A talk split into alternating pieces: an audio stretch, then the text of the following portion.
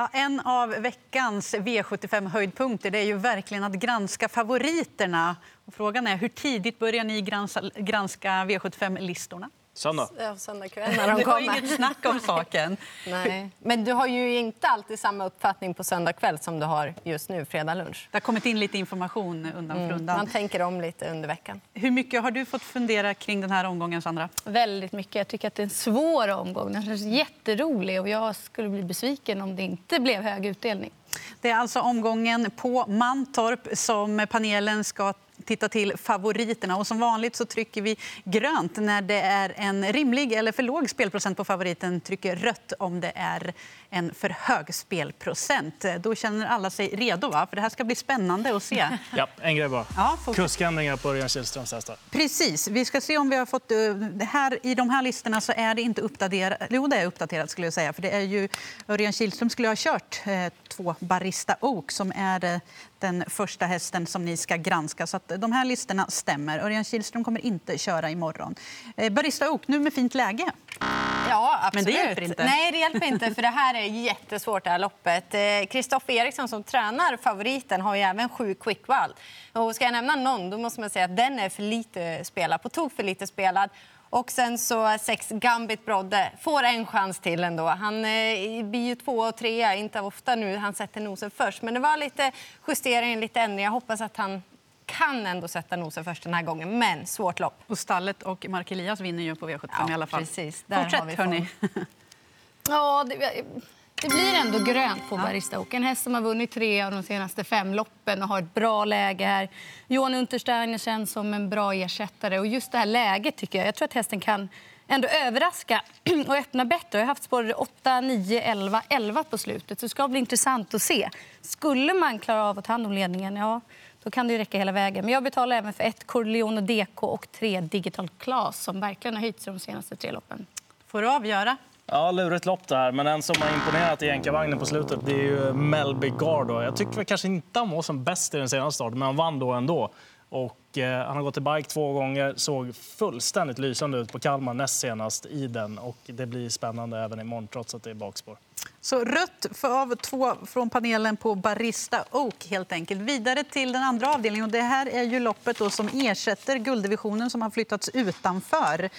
Hur känner ni för att nummer åtta, Jim, Jimpeto Joy, är favorit?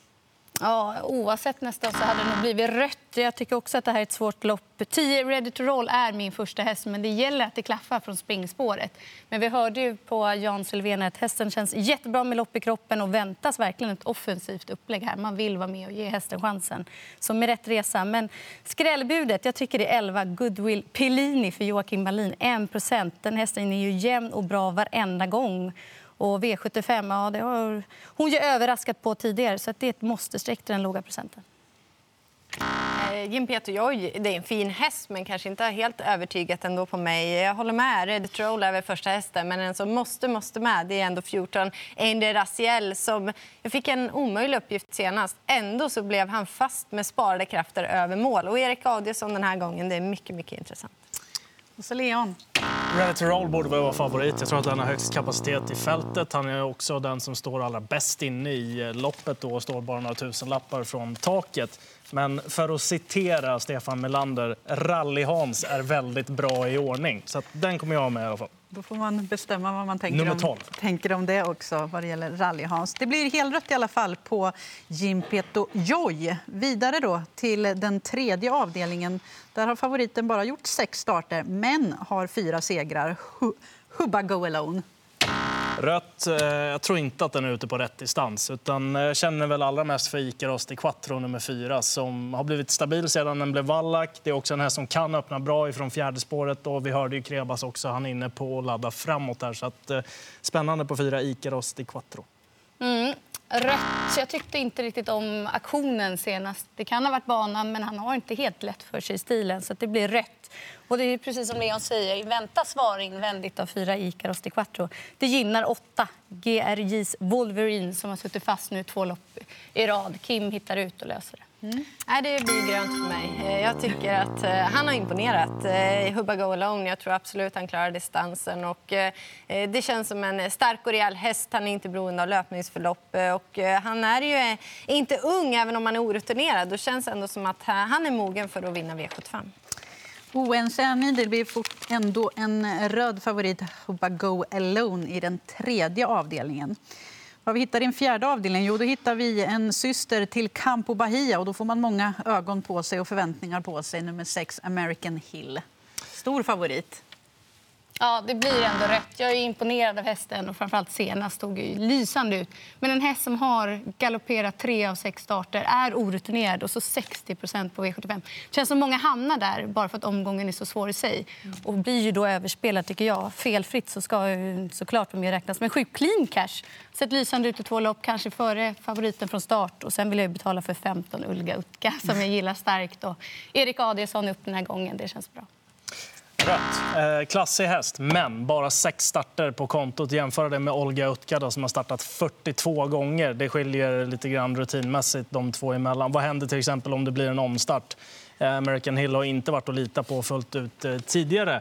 Så att, eh, det blir gardering för mig, även om jag vet att hon har eh, hög segerchans. Sju clean cash är ju lite beroende av att gå i ledningen och göra sina klart bästa lopp där. Men Olga Utka, nu ska jag säga någonting riktigt roligt här. Det var väl första vanlig vagn i den senaste starten. Den brukar ju gå i sån här säkerhetsvagn.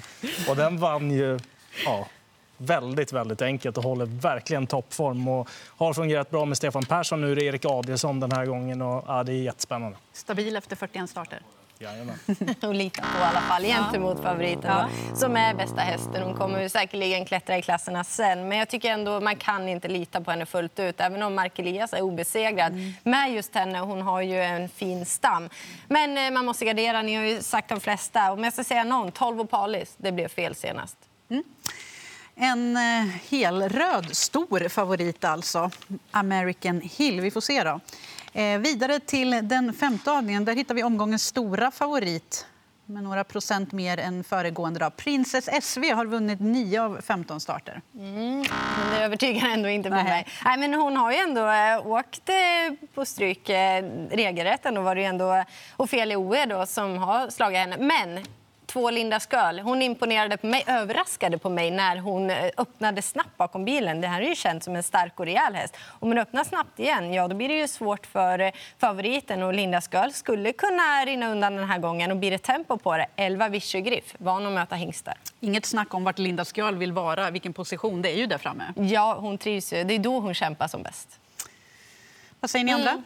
Kör du. Damerna först. Nej, men det blir också rätt på Princess Esvild. Något ojämn.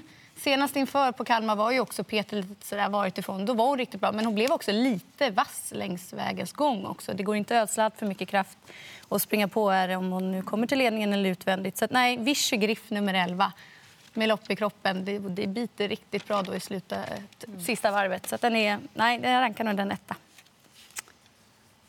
Ordet är ditt. Ja. Eh, rött. Eh, nej, det är ingen häst som imponerar. tycker Jag inte. Jag vet inte vad som hände sist. Hon, kanske att hon fick lite vårkänslor och att hon rusade på ordentligt. Då. Men eh, jag tycker ändå att man ska försöka fälla. Den står inte särskilt bra inne i propositionen heller. Men nummer ett, Valletta, den gick förbättrat i den senaste starten. Jeppsson, Goop-tränad, enprocentare, innerspår, kan få loppet därifrån. Man hoppas ju på lucka och så kanske skrällen är ett faktum. Om det nu är en dålig favorit, då är det väl perfekt att göra top 7 i det här loppet. En rollerpott på 1,2 miljoner. 11 Vichy Hur löser man det? Ja, jag tror jag tar med Otala där som femma. Den står bäst in i loppet och, och lär väl laddas framåt. Vi tar oss vidare till den sjätte avdelningen. Där har det varit jämnt på förhand vad det gäller favoritskapet. Men nu har det vägt över för nummer sju, Religious. Vad säger ni? Jag kan trycka grönt där. Jag tycker det är spännande att Erik Adielsson hoppar upp. Den är nedstruken ett hack innanför doseringen startsnabb. Och det lät ju på Mika Fors som att Ronaldo Malibu går bäst i ryggar. Då, så det kan mycket väl vara ledningen nu. Mm. Spets och slut. Ja. Det blir ändå rätt för mig. Det är lite vingeläge, även om gynnas nu av att fem Didi Star är struken. Men för mig blir spiker i loppet. Sex Tiger Woodland. Elva segrar, samtliga från ledning. Jag tror att eh, han laddar rejält, kommer dit. Ja, det är medeldistans, men det har han klarat av förut. Så att, eh, spik till bra procent. Mm. Nej, För mig blir det ändå grönt, men ingen spik på grund av just Tiger Woodland. Eftersom eh, det enda man vet med säkerhet med det här loppet är att det blir tempo. Tiger Woodland är med och det blir full gas framåt. Eh, Jag kommer ta med Tiger Woodland, men jag kommer även ta med tre Ronald Malmö också då, när man ändå garderar på eftersom jag är osäker var Religious hamnar. Men jag tycker som eh, Leon sa, intressant med Erik Adielsson i sulken och det ska vara favorit. Det är väl starten där som avgör. Klarar Ron- Ronaldo Malibu att hålla ut Tiger Woodland? Vem vill han släppa till? Och så vidare. Och frågan är, värmde ju inte. Han var inte helt nöjd med Ronaldo Malibu senast inför och så, så om man vågar ladda eller inte. Det är frågan. Vi får se. Ja, vi får Det är i se. alla fall omgångens första gröna favorit från er. Ja. Även om ni inte är överens. Vi får se hur det låter då kring favoriten i den sista avdelningen. Reverend Wind har pausat kort, men är ju siktad hit. Mm, Helt rätt. Och jag spikar då. Eh, senast, eh, fullt ursäktad att han inte vann då. Och eh, Didrik Meiling brukar ha hästarna i ordning direkt. Eh, om man kollar då näst senast, när han fick eh, starka, urstarka Pacific Face utvändigt om sig, då tänkte jag oh shit, det här blir långt hem. Men det blev det inte. Han bara försvann ifrån dem. Och det var just över den aktuella distansen. Och han är startsnabb, därför blir det spik. Mm, det blir grönt i alla fall. Rätt favorit, men inget spikförslag. Tre Roofer har jag jagat nu. Tre lopp i kroppen, satt fast i finalen. Nu är det Johan Untersteiner tillbaka i sulkin. Äh, det måste få utdelning snart. Han har toppform. Får vi helgrönt, Leon?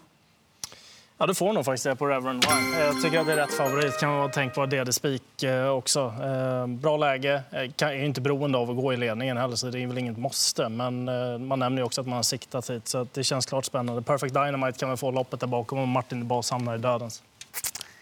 Ja, men då så. Då ska vi väl sammanfatta det här med att vi har två stycken vassa favoriter. Helt överens är ni i den avslutande avdelningen, Reverend Wine. Och så eh, Religious då i den sjätte avdelningen i en lurig omgång från Mantorp, är vi överens om, va?